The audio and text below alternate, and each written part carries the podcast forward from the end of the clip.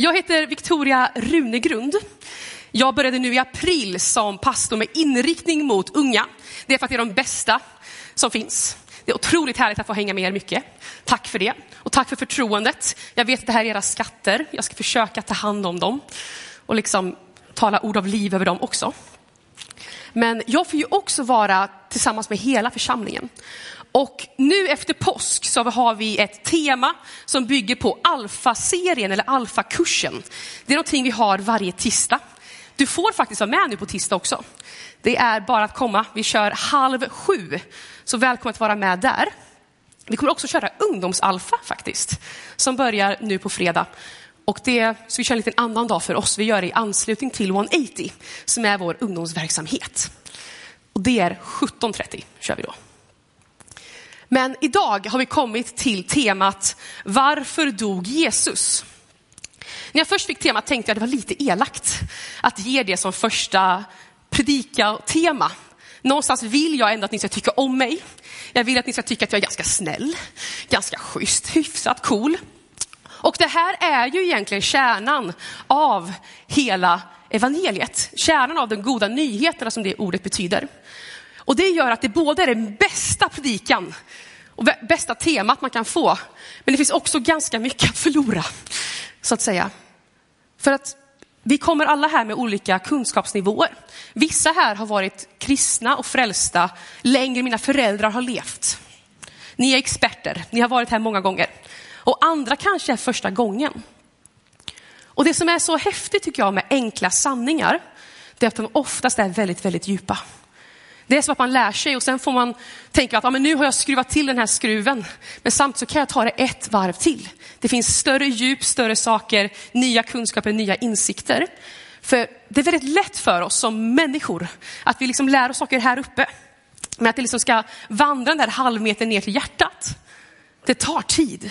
Och saker som jag trodde jag kunde förra året behöver jag liksom lära mig igen. Så det här har också varit en fantastisk process för mig och då har jag pluggat teologi ganska länge. Det är liksom typ, jag är typ proffskristen nästan. Jag ska tror jag får betalt den här veckan. Så att det, det ska bli bra. I Bibeln så har man, det är en vers från Johannes 3 och 16. Vi ska läsa den och vers 17 faktiskt. För det är grunden. Om man ska svara på varför dog Jesus så finns det egentligen ett enkelt svar och det är för att han älskar dig. Om det är det enda du kommer ihåg när du går ut härifrån så är det det enda du behöver veta. Jesus och Gud älskar dig. Sådär på riktigt. Inte bara för att det låter bra, inte bara för att det låter fantastiskt, utan, det är så på riktigt. Och i Johannes 3.16, som brukar kallas för lilla bibeln, det kanske kommer upp på skärmarna, annars så kan jag läsa det ut. Ah, men kolla. Det står det så här, så älskade Gud världen att han utgav sin enfödde son Jesus. För att var och en som tror på honom inte ska gå förlorad utan ha evigt liv. Gud har inte sänt sin son till världen för att döma världen, utan att världen ska bli frälst genom honom. Med det så är jag egentligen klar, ni kan gå hem. Nej, det kommer vara fest efteråt. Nej, men jag tänker att jag ska försöka att liksom djupdyka lite mer och förklara lite mer vad det innebär. Men det är egentligen det här som är det viktiga. Det är det här som allting handlar om. Och det är nog. Det är en sån där vers som oftast när man går i söndagsskolan lär man sig den ganska tidigt. Sen hoppas man att det är någonting som också får, får fortsätta att byggas fram. Liksom. För vad är det egentligen att, alltså Gud älskade världen. Du kan liksom sätta in ditt eget namn där. Så älskade Gud dig. Att han gav sin enfödde son. För att du inte skulle gå förlorad. Utan du skulle ha evigt liv. Han, vi behövde en frälsare, står det i de här verserna. Och det är ju fantastiskt, det låter jättebra. Men det innebär ju också att vi behöver räddning. Att vi behöver frälsning, att vi är i behov. Och det känns ju inte alltid lika skönt. Det kanske är skönt att acceptera sig själv, men det är ännu mindre gött att säga det till någon på bussen. Liksom, kompis, du är evigt förlorad. Fräls dig. Eller låt dig bli frälst. Det är liksom inte, hur säger man det till någon liksom i klassen sen? Det är fortfarande sant. Men det är inte lika bekvämt att prata om. Så vi ska alldeles strax läsa en lite längre bibelstycke som egentligen är det jag vill prata om och liksom utgå lite mer ifrån. Men jag tänker vi ska ta och be, för allt är så skönt. Gud, tack för att du är här. Tack för att du har bestämt träff med oss den här förmiddagen. Tack för att vi får komma till ditt hus, nådens hus och liksom få ta emot av dig. Du säger och du lovar att när vi närmar oss dig så kommer du också att närma dig oss. Och du ser exakt vad vi kommer med. Du vet hur vår vecka eller vårt år har varit. Du vet vad vi kommer med för bagage, våra segerstunder och våra sorgestunder. Du ser all smärta. Du ser all sorg. Tack för att du kan komma och möta oss i det. Och jag ber att det här ska vara en förmiddag där det inte bara är fina ord som jag försöker säga, utan det verkligen ska vara dina ord. Så hjälp oss att höra dig, öppna våra öron så vi hör dig. I Jesu namn. Amen. Jag tänker att innan vi läser dagens bibelord, som är ifrån Romarbrevet, så kan alla ta och ställa sig upp. Om du vill, du måste inte, men det, det kan vara en ganska skön grej. Vi kommer, kommer vara här ett litet tag ändå. Och sen tänker jag att innan jag börjar att eh, det kommer vara en liten utmaning och jag kommer kanske vara lite skarp. Det är lite med flit. Det gör lika ont i mig. Men jag tänker så här, du som aldrig har snackat skit bakom ryggen på någon, du som aldrig varit snål, du som aldrig har plankat på bussen, du som aldrig berättat en liten vit lögn, du som aldrig tittat på en annan mans kvinna eller en annan kvinnas man. Du får sätta dig ner. Kom igen Kasper. Absolut. Jag tänker att oftast brukar inte någon sätta sig ner, men det är bra. Jag tänker Kasper, du kanske ska gå med i församlingsledningen. Det, är liksom, det kan vara en bra, bra grej. För att det här var liksom första starten, det är egentligen bara utgallring. Det kan ju komma nya, lite tuffare frågor som typ, älskar du Gud av hela ditt hjärta och hela ditt förstånd med allt du är och allt du har? Och älskar du din nästa, inte bara grannen eller din man eller dina barn, utan de som du går förbi när du ska till tåget. Älskar du dem som dig själv? Då får du sätta dig ner. Men ändå så står vi här, eller hur? Typ de flesta av oss i alla fall. Jag står definitivt, jag står väldigt, väldigt mycket upp. Jag har till och med platåskor på mig. Om jag kunde vara längre så hade jag varit det. För det här, och då står jag här ändå som pastor. Jag har liksom ändå blivit avskild för det här, men jag står här. För jag kan inte säga att jag har gjort allt det här. Jag vill, och Paulus pratar om, skriver i en vers att det jag vill göra, det gör jag inte.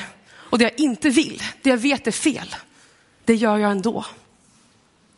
Men här står vi här. I vår synd, som syndiga syndare som syndar. Och då står det så här. I Romarbrevet 3 och 23. Och jag läser från nya bibeln, eller nya levande bibeln. Det är för att jag tycker att den översättningen är ganska fin. Det står nästan samma saker de andra. Det står så här. Alla har vi syndat och saknar därför den likhet med Gud som vi är skapade att ha. Nu ger han oss möjligheten som vi inte förtjänat, nämligen att ställa allt till rätta genom att vi accepterar det Jesus har gjort för oss. Gud sände Kristus Jesus för att ta straffet för våra synder. Men vi måste tro på detta för att hans blod ska bli det offer som räddar oss från Guds vrede. På detta sätt visar han sig fullständigt rättvis även om han tidigare hade lämnat synderna ostraffade. Han väntade med tålamod på den dag då Kristus skulle komma och ta bort all synd. Också idag gäller samma rättvisa. Den som tror på Jesus blir frälst. Men är det inte orättvist av Gud att låta brottslingar gå fria och säga att de är oskyldiga? Nej, han gör det därför att de tror på Jesus som tog på sig deras synd. Amen. Ni får jättegärna sätta er ner. Tack för att ni stod upp. När man kommer till en kyrka som den här så ser det ju ganska bra ut, eller hur? Det är ganska vackert, det är ganska högt i tak. Hade man den här takhöjden hemma, då hade det varit nice. Eller de här fönstren, kunna släppa in ljuset på det här sättet. Man kan också titta på varandra. Ni är väldigt välklädda måste jag säga. Väldigt fräscha tror att flera stycken har nog duschat idag. Um, jätteskönt, tack för det. Um, men man kan komma till en sån här plats och tänka när man hör musiken, den här sången som vi sjöng för Märta. Otroligt vackert. Och tänka att allt det här, liksom, det är för fint. Det, och att man kommer hit nästan för att liksom fira det vackra. Men om vi egentligen är, liksom, funderar på varför är vi här? Varför är du här? Varför är jag här? Så är det ju för att det finns en orsak. Det finns en orsak att jag är här, att jag står här idag. Det hjälper att jag jobbar här. Men det är inte därför jag liksom har valt att ta de här besluten som hamnar här. Jag kommer från Göteborg. Det finns en anledning till att jag flyttat till Lidköping. Liksom. Det finns en anledning till att jag bor i det här landet. Men framförallt jag är i kyrkan. Och det är för att mitt största problem är inte hur jag ska betala räkningarna den här månaden. Mitt största problem är inte liksom vad som pågår ute i världen eller vad det är som händer eller vad, något sånt där. Utan mitt största problem är mina synder. Det är liksom det ordet som Bibeln använder för att prata om de misstag och det fel som finns i våra liv. Och det är ett sånt ord som lätt får, jag vet inte hur du tänker på det, men särskilt utanför våra väggar, om någon säger synd, då är det som att man får lite så här rysningsvarningar, eller hur? Det är inte ett ord man tänker, wow, det där vill jag ha. Förutom någonting är syndigt gott. Alltså choklad och kaffe, gärna i kombination, är syndigt gott. Eller man kan tycka synd om någon. Någon stackare. Då tycker man också synd om dem. Och de här sakerna, alltså vi fattar, vi kan ju ändå liksom, vi hänger ju med i vad det innebär. För jag vet ju att jag har sårat människor. Och fastän jag inte känner de flesta av er än så är jag ganska säker på att ni har sårat människor också. Vi har tyvärr en tendens att såra de människor vi älskar mest. Allra mest. Men jag har sårat människor som bara varit elaka, som jag inte bryr mig så mycket om heller. Bara för att. Liksom. Bara för att jag tyckte att de började. Och därför kan jag liksom, ja, men jag vill försöka skydda mig själv lite också, så därför trycker jag ifrån. Och jag har definitivt syndat inför Gud. Och synden är en sån där, det skapar barriärer mellan oss. Vi vet att till och med när vi, liksom, if vi säger en liten lögn, så bara, ah, men det, det är ju inte så farligt. Men det skapar ju en distans mellan oss, eller hur? Förra veckan så ljög jag, jag ber om ursäkt, på riktigt. Jag var hos läkaren och jag hade varit hos läkaren precis innan, eh, typ veckan innan och fått medicin utskriven och nu ska jag tillbaka, jag hade lite ja, jag hade ett lite dåligt värde på en grej. Så då skulle jag få medicin för att få upp det värdet och sen ska jag tillbaka och göra nya blodprov så att de visste att jag mådde bra. Och det här var ju någonting som var bra för mig. Det är ju väldigt bra att få medicin. Liksom. Och det var inte något jättefarligt egentligen, men man vill se till, vad hade det att göra med hjärtat? Liksom. Det kan ändå vara bra. Om det går, är för lågt av det värdet så är det dåligt. Och jag kommer till läkaren och vi pratar och jag mår, jag ändå mår mycket bättre, så det är ju väldigt skönt. Ehm, det var ju liksom en liten grej. Och sen så frågar han, ja, och nu ska vi kolla på det här. Har du tagit medicinen? Och jag bara, ja. Tog du den i tid? Ja. Du har inte tagit den igår, utan du tog den de tre dagarna du skulle ta dem. Du blev klar i fredags. Och jag insåg att jag tog min sista tablett igår kväll. Um, men jag har ju redan sagt ja på första frågan. Uh, att sa att jag hade tagit allting när jag skulle göra det. Så nu, och jag har precis typ två minuter innan det sagt att jag jobbar som pastor.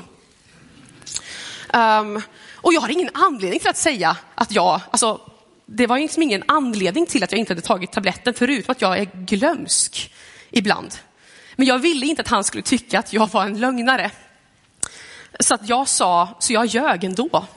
Jag vet inte, det var en väldigt konstig logik. Jag tyckte själv att det gick väldigt fort. Um, och sen så så här, och det här är ju en, liksom en synd så att säga som bara drabbar mig. Jag menar ifall det verkligen hade gått jätteilla och jag bara hade ett jättestort problem med hjärtat så hade min, min mamma och min pappa blivit ganska ledsna och församlingsledningen här hade nog tyckt det var lite jobbigt att behöva hitta en ny pastor. Och så. Men egentligen var det ju inte, det var inget allvarligt det är lugnt, liksom. på riktigt det är jättelugnt. Liksom. Men det var en liten lögn som jag sa av nästan reflex och sen fick jag ljuga fem gånger till. Och sen ringde han upp mig fem, typ fem, tio dagar senare, då började jag säga förresten, jag ljög. Jag bara bekänna. Och då kunde han liksom, aha, okej, okay. ja men då får vi kolla här, titta på värdena, är då allting okej? Okay? Och det var det, det är lugnt liksom. Men det är så här, vi ljuger och jag hade inte ens en anledning till att ljuga. Jag vet inte varför, och, men det var så. Jag tror att det liksom ligger i oss på något sätt, att vi gör sånt ibland. Men det sårar människor, det sätter distans mellan människor. Liksom. Och så det finns en orsak till att du sitter här. På samma sätt som det finns en orsak oftast till varför människor sitter i fängelse. Liksom. Och det är lätt att man liksom sitter på olika ställen, att, man, att vi tänker att ja, men vi kan ju gradera oss i alla fall. Om jag vänder till grannen här, så bara ja, alltså jag är ju inte perfekt, men jag har i alla fall, jag är i alla fall lite bättre än han där. Liksom. Jag är i alla fall lite bättre än så. Det är i alla fall inte så illa, för jag är en ganska god människa. Jag är en ganska, men jag är ganska snäll, jag betalar skatt, jag brukar inte ljuga. Liksom, så ofta tyckte jag i alla fall. Jag kanske behöver tänka om. Um, men så här, jag är ganska bra att titta på varandra och så länge vi sitter här och, och nästan kan jämföra oss typ. Men det som är skönt och det som är godhet av Gud är att han inte graderar synd. För han finns det inte en gråskala, utan det är antingen svart eller vitt. Frågan på har du syndat är inte, mm, men det hände någonting eller det här hände eller jag ville se bra ut eller det här sa eller någon annan, utan det finns ett ja eller nej svar på den frågan. Har du syndat? Ja eller nej? Och det liksom gör att det inte finns något graderingssystem eller sorteringssystem och det är ju väldigt, väldigt bra. För grejen är ju att vissa av er skulle ju inte falla så bra ur. Vissa av oss skulle ju, det skulle se ganska bra ut. Eller? Hur skulle det egentligen vara? Ser det bättre ut för att man har liksom, jag har ändå varit döpt ganska länge. Jag döpte mig också när jag var elva. Så det är, jag är typ myndig nu i Guds ögon. Då kan ni räkna ut hur gammal jag är också. Um, men så här, räck, blir det bättre av det? Och jag tror, alltså det finns något som kallas för helgelse eller lärjungaskap, att vi liksom ändå försöker bli mer lika Jesus. Att vi liksom blir lite bättre. Jag tror att det kan vara så. Det är också det som ger mig hopp. För att det gör ju att det inte bara handlar om att det Jesus kom och gjorde var att vi skulle få evigt liv i evigheten. Utan också för att det finns hopp här och nu. Jag tror att Jesus kom för att ta våra synder, våra skulder på korset. Inte bara för långt där borta, utan för att det på riktigt gör skillnad här och nu. Att det förändrar och förvandlar relationer. Att det gör Lidköping till en bättre stad. Att det gör våra skolor till ett bättre ställe. Att det liksom förvandlar så. Men samtidigt så är det ju att det finns någonting som vi måste mätas inför, eller hur? För det står ju i den här versen vi läste förut, att alla har vi syndat och saknat den likhet med Gud som vi är skapade till. Det är egentligen för det som jag valde den översättningen, för jag tycker att den är otroligt vacker. Vi har saknat den likhet som vi är kallade och skapade till att ha. Och när man sitter på ett fängelse så har man ju inte jättemycket att göra. Pratat med några och de bara, ja men vad brukar ni snacka om? Ja, men man brukar sitta där och man pratar också om fotboll och liksom, vad är för favoritlag och sådär. Men det brukar ju ofta komma till, men vad sitter du inne för då? Varför sitter du här? Vad gjorde du? Liksom? Och det hade varit intressant att ifall du kunde vända dig till grannen och bara, men varför sitter du här då? Liksom, det hade varit en väldigt intressant konversation, lite pinsam kanske. Jag har ju redan blottat mig idag så ni slipper. Um, men det finns ju det här, varför sitter du här? Men du, sen samtidigt har vi kommit till det här huset och det är nådens hus. Det här är barmhärtighetens hus. Det här är ett hus där vi vill att Guds godhet ska regera. Att det är det vi ska peka på.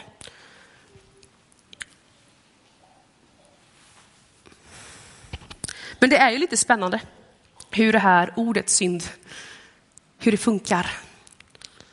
För det gör ju någonting i oss och i olika generationer. Jag vet att man pratar lite mer om det innan jag föddes.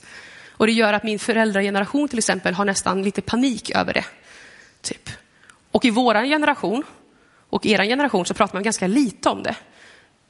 Fast vi vet ju samtidigt vad det är. Vi vet ju liksom när man gör någonting illa. Ibland så pratar man om, ja, men de gör någonting fel, men då fryser vi ut dem. Liksom. Eller om det här händer, ja men då reagerar vi på det här sättet. För samtidigt så vill vi ha rättvisa. Eller hur? Det är ju inte rättvist om synden eller skulden eller det som går fel inte får ett straff. Så länge det inte gäller mig. För då behövs det lite mer nåd, för jag hade faktiskt goda intentioner. Jag ville väl. Och det som blir ännu mer komplicerat, eller som gör ännu mer ont i mig ibland, är när man läser Bibeln, så är synd inte bara allt dåligt man gör, utan det är också allt det goda man inte gör. Att det också är synd. För det är liksom allting som egentligen inte lever upp till Guds väsen. Allting som inte riktigt är nog bra. Synd är liksom tankar som blir reaktionsmönster, det är handlingar som blir till livsval och det är saker som liksom lätt spinner ut. Det börjar litet och sen blir det stort. Och det är det stora problemet. Och det är där Jesus kommer och säger att han är lösningen på problemet. För att på samma sätt som att vi inte kan, Gud inte jämför oss med varandra, så är det ju fortfarande så att han har ett måttstock som han jämför emot. Och det är Jesus Kristus själv. Jag hade en lärare en gång som skulle förklara det som att ja, men ifall vi gör på den här liksom, väggen här. Vi sätter liksom och försöker rangordna, så vi tar de sämsta människorna längst ner. De vi tycker är riktigt onda. Liksom. Och sen så sätter vi någon väldigt, väldigt god längst upp. Och oftast där nere brukar man ju prata om de som vi vet är riktigt onda. Det är ganska lätt att sätta Hitler långt ner, typ. Vi sätter kanske Moder Teresa eller min mamma långt upp. Typ. Hon är faktiskt väldigt god. Så, men så här. Och sen någonstans längst den här skalan så kan vi alla placera in oss. Jag sätter mig lite längre ner. Jag ljög ändå förra veckan. Och sen så kanske du är lite längre upp, men någonstans här är vi. Och man bara, ah, okej, okay, ja. Och vi kan försöka liksom hitta och sen börjar man titta runt i rummet och bara, ja, men han skulle nog hamna där och hon skulle nog vara där. Ja, men jämfört med Jesus då? Vart hamnar vi då? Ja, men han är inte ens på väggen. Han är långt där uppe och det är det som vi mäts emot. Det är kravet. Och det är ju helt omöjligt. Det är ju helt omöjligt i oss själva. Eller hur? Och det är så. Men där händer någonting. Så ska vi bara prata om synd idag. Nej, inte bara. Men vi måste prata om problemet för att börja prata om varför vi har en frälsare, varför vi behöver den, den delen. Men det finns också ett ord som, hör väldigt, eh, som är väldigt nära synd och det är skuld. Och skuld, det vet vi alla vad det är. Vi känner alla skuldkänslor ibland. Jag kände skuldkänsla och därför behövde jag bekänna min synd inför läkaren Anders. Liksom. Jag kände en skuld inför det. Sen vill jag också att det kanske är viktigt, men det är liksom någonting vi alla känner och vi vet att det är någonting som inte är så bra för oss. När vi pratar med läkare och psykologer så vet vi att skuld är någonting som sätter sig fysiskt på oss. Man kan må dåligt, både psykiskt och fysiskt, av för mycket skuldkänsla. Men med det så vill jag bara, det är viktigt att poängtera skillnaden. Det finns reell skuld. Det finns saker vi alla är skyldiga till. Men det finns också o, osann skuld. Och där vill jag bara säga så här. Det finns osann skuld är typ, det är mitt fel att mamma och pappa skilde sig. Eller det är mitt fel att min, min fru slår mig? Eller min man slår mig? Det är inte ditt fel. Och det är viktigt att veta det. Det är inte ditt fel att saker händer mot dig alltid. Vi har alla varit med om saker Och ibland så tror vi att det är för att vi liksom reagerar på ett visst sätt, eller vi agerar på ett visst sätt, eller vi gjorde det här, vi gjorde det där. Det kan du släppa. Och sen så kan man ibland behöva hjälp med det. Och då kan man ta det till Gud, eller man kan prata med typ en pastor eller gå till förbön och så. För jag tror att vi behöver hjälp med det också. Jag har haft saker i mitt liv som hände mot mig. som det tog, ja, alltså jag ville gå till en psykolog till slut för att ta tag i det på riktigt. För att kunna släppa det.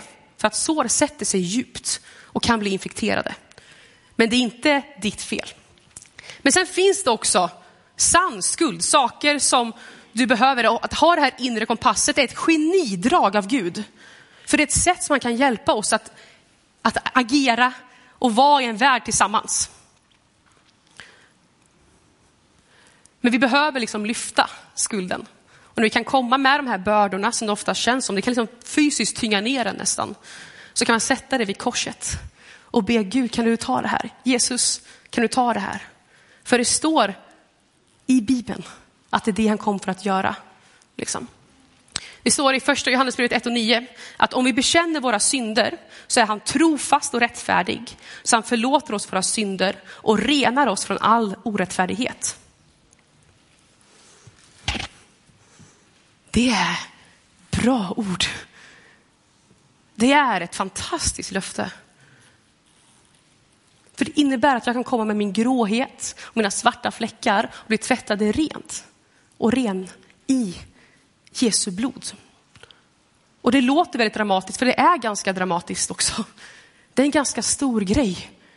Det är de bästa nyheterna som finns. Tyvärr så har vi som kyrka haft en tendens att, att hjälpa andra att tro att det är så. Att det finns olika synder är olika viktiga. Och det märks liksom när det finns ju vissa nyheter och vissa saker som är lite extra återkommande när man pratar om kyrkan.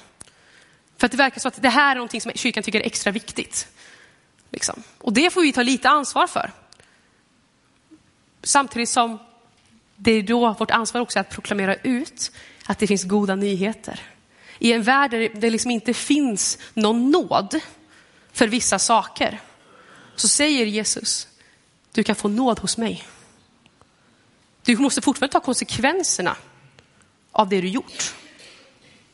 Kanske i den här världen, men i det eviga loppet så finns det nåd över allt förstånd. Nåd över alla gränser. Så varför behövde Jesus dö? Varför kunde Gud inte bara liksom få bort det så där enkelt? De flesta här inne har ju liksom som sagt varit i den här kyrkan ganska länge. Man har hört berättelser. Man har hört gamla testamentet, man har läst om saker. Och vi vet att i gamla testamentet så, den här begreppet med att liksom straff, alltså synd fanns ju även då. Och det man gjorde var att en gång per år, man hade, det kunde hända lite inemellan därför man gjort en synd, att man kunde komma och offra någonting, för någonting behövde ske. Syndens lön är död. Men man kunde liksom ge, offra djur och sätta liksom, av min synd på det djuret, sen dog djuret i mitt ställe. Och en gång per år så fanns det liksom, men det här, nu kommer påskalammet. Liksom. Nu kommer det här som ska ta bort all synd som man inte ens visste att man hade gjort och liksom på något sätt göra hela folket fria. Samma koncept är det som att det är, det är liksom det Jesus gör på påsken. Att han är det perfekta offret. Han är påskalammet. Han är den som liksom inte visste någon synd, blev synd för oss. Och han tog på allting som vi gör. Inte allting som skett innan, utan allting som också skett efter tog han på det korset och led i vårt ställe. Det är påskabudskapet. Och det är otroliga nyheter. För det vi behövde var en frälsare. Om vi bara behövde ha mer kunskap om hur man skulle bete sig eller vad man skulle göra, eller tänka eller säga, så hade Gud sänt en lärare. Om vi behövde bli bättre förvaltare, så hade Gud sänt en finansminister men det vi behövde var en frälsare. Vi behöver en räddare. Vi behöver en som tar det där och räddar oss från det vi inte ens visste att vi gjorde fel. Och det är enkelt, men det är djupt. Jag eh, är missionärsbarn och eh, det är fantastiskt. Men det innebär också att man växte upp med väldigt mycket missionärsberättelser. Det är också mina favoritberättelser, berättelser, så det är en bra grej. Men jag hade en, eh, kom en när jag var tonåring som hade varit missionär. Innan han var i Thailand hade han varit, jag tror det var i Afrika, jag borde veta vilket land det är, jag vet att det var någonstans där. Och han berättade att i den här folkgruppen som han hade jobbat med så fanns det en berättelse om en kung. Och kungen var liksom högt älskad av folket. Han var liksom, man såg upp till honom, man trodde på honom, man litade på honom. Och han hade sett till att det blev Ja, men det var ganska mycket harmoni. Alltså folk tyckte om varandra. Det var en sån tillfälle där alla blev bjudna på varandras bröllop. Vilket var tecknet på att nu är det fred i ett samhälle. Liksom. Och man hade liksom inte riktigt så mycket, det var inte så mycket dåligt som hände. Man behövde inte låsa dörren på natten. Men sen en dag så började det, kom det en kycklingtjuv. Och liksom stal typ 30 kycklingar. Och bara, ja, 30 kycklingar är ju mycket för en person. Men det är inte jättemycket med 30 kycklingar. Och han, så de liksom gick upp till kungen och sa att det här har hänt. Och han bara, ja, men, försök hitta kycklingtjuven. Men sen hände det igen. Så nästa vecka, då var det inte bara 30 kycklingar. Utan nu var det uppe i 200 kycklingar. Och kungen bara, men du, det här måste straffas. Det här behöver, ja men vi säger att, eh, ja men ifall det är så många, ja vi tar 30 piskrapp. Det är ändå ganska mycket, men nu får det vara slut. Han hoppades att ifall jag säger det här, då kommer det bara att ta stopp. Men det, det var ännu fler kycklingar som försvann. Så de bara, okej, okay, det är 50 piskrapp för den som, när tjuven blir fast. Gå ut och hitta vem det är, för det här är inte okej. Okay. Och nästa vecka så kom de till kungen och bara, okej, okay, vi har hittat tjuven. Och kungen sa, ja ah, det är bra. Det är bra. Han ska få det han förtjänar. Det är bara det att in släpar de en liten, liten gammal kvinna. Och de liksom drar in henne och alla liksom ryggar tillbaka lite grann. Och inte nog med att det var en gammal kvinna. När han tittar så ser kungen att det är hans mamma. Och då är det som ett sus går igenom det här rummet. För vad ska kungen göra nu? Han har ju sagt att straffet är 50 piskrapp. Men hon är gammal, hon kan nog kanske knappt ta tre. Och inte nog med det, det är ju hans mamma. Man kan ju inte slå sin mamma. Men samtidigt, om det hade varit någon annan, så hade han ju gjort det, eller hur? Så ska han vara den elaka? Eller ska han vara den rättvisa? Alltså vilken del av kungen, vilken aspekt av kungen ska vi se nu? Och han säger bind, upp, bind henne vid straffpålen. Och de bara, nej men det här går ju inte. Det här är ju helt fruktansvärt. Men de binder upp henne vid straffpålen. Och i den här kulturen så var det också att det inte bara var att någon annan gör det, utan ifall ett straff ska ske så är det kungen själv som ska göra det.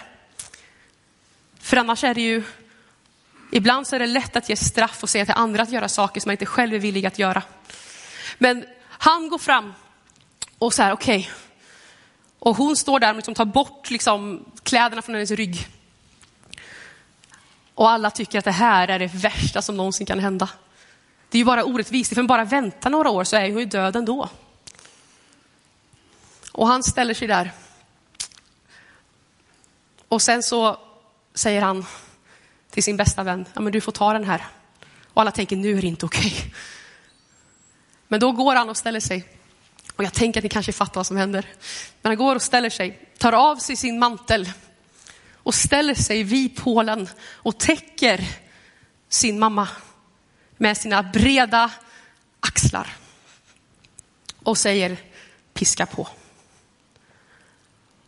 Och jag vet att jag var tonåring när jag hörde den här första gången. Jag får fortfarande gåshud varje gång. Det finns synd och det finns skuld. Och det är sjukt mycket. Och ibland så känns det som att det liksom svämmar över. Men det finns en nåd som finns över alla gränser.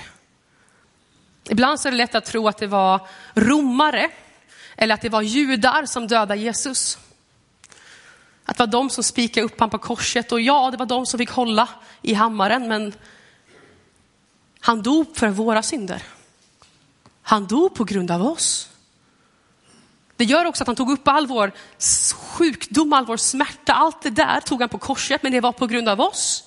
Det var på grund av mig som han dog. Och det som är det sjuka, kan jag tycka ibland, att det inte det är inte ens bara att han liksom kastade iväg ett, liksom, ja, men nu tar vi, vi ger en person och sen offrar vi honom. Utan det vi fick lära oss förra veckan är ju att Jesus var både Gud och människa. Han var helt och hållet människa, han kände samma sak som du och jag gör. Men han var också Gud.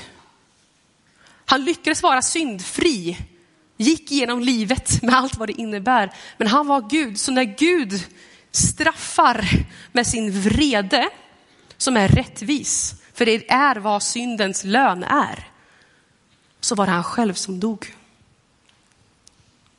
Det är ändå mäktigt. Och inte nog med att han dog, han uppstod igen. Och det gör att hans seger är vår seger. För vi har bytt plats. Vi har bytt plats. Och fastän vi förtjänar piskrappen, vi förtjänar det där eller där, så är det att han sa, det som är ditt, det är mitt. Och det som är mitt, det får du om du vill. Det är en gåva. Ibland som man säger man att även om du var den enda personen i världen så hade Jesus fortfarande dött för dig. Och det är sant. För så högt älskar han dig. Men ännu mer, till och med om du var den enda personen i världen och du tackar nej, så hade han ändå dött för dig. För att han älskar dig. Så jag tänker att eh, lovsångsteamet, ni kan komma upp. Vi ska ha en liten stund nu där man får respondera och man får tänka. Vi kommer sjunga lite låtar och så. Vi kommer ha förbön. Förbön innebär att, att vi ber tillsammans. Man kan komma fram till korset eller stå där du är och be själv. Gud hör dig. Han hör till och med om du inte ens vågar viska så hör han dig. Men det finns också att det finns något otroligt skönt i att säga det högt. Att berätta för någon annan att det här står jag i, det här vill jag. Det är också en gåva som sagt. Och det är någonting man kan ta emot. Och ifall man kan antingen göra det bara själv, det är bara att säga hej Gud, jag vill ta emot det här. Förlåt mig för det jag gjort fel. Jag väljer att följa dig. Tack för den gåvan. Men det kan också gå fram. För igen, den bönen är ganska skön att göra med andra människor. Det händer någonting, vi vågar säga det högt. Så att man inte behöver gå igenom allting ensam. Så vi ska ha en stund där man får respondera på lite olika sätt. Så kör vi på det. Men vi kan ta och ställa oss upp. Så är det lättare för andra att röra sig också.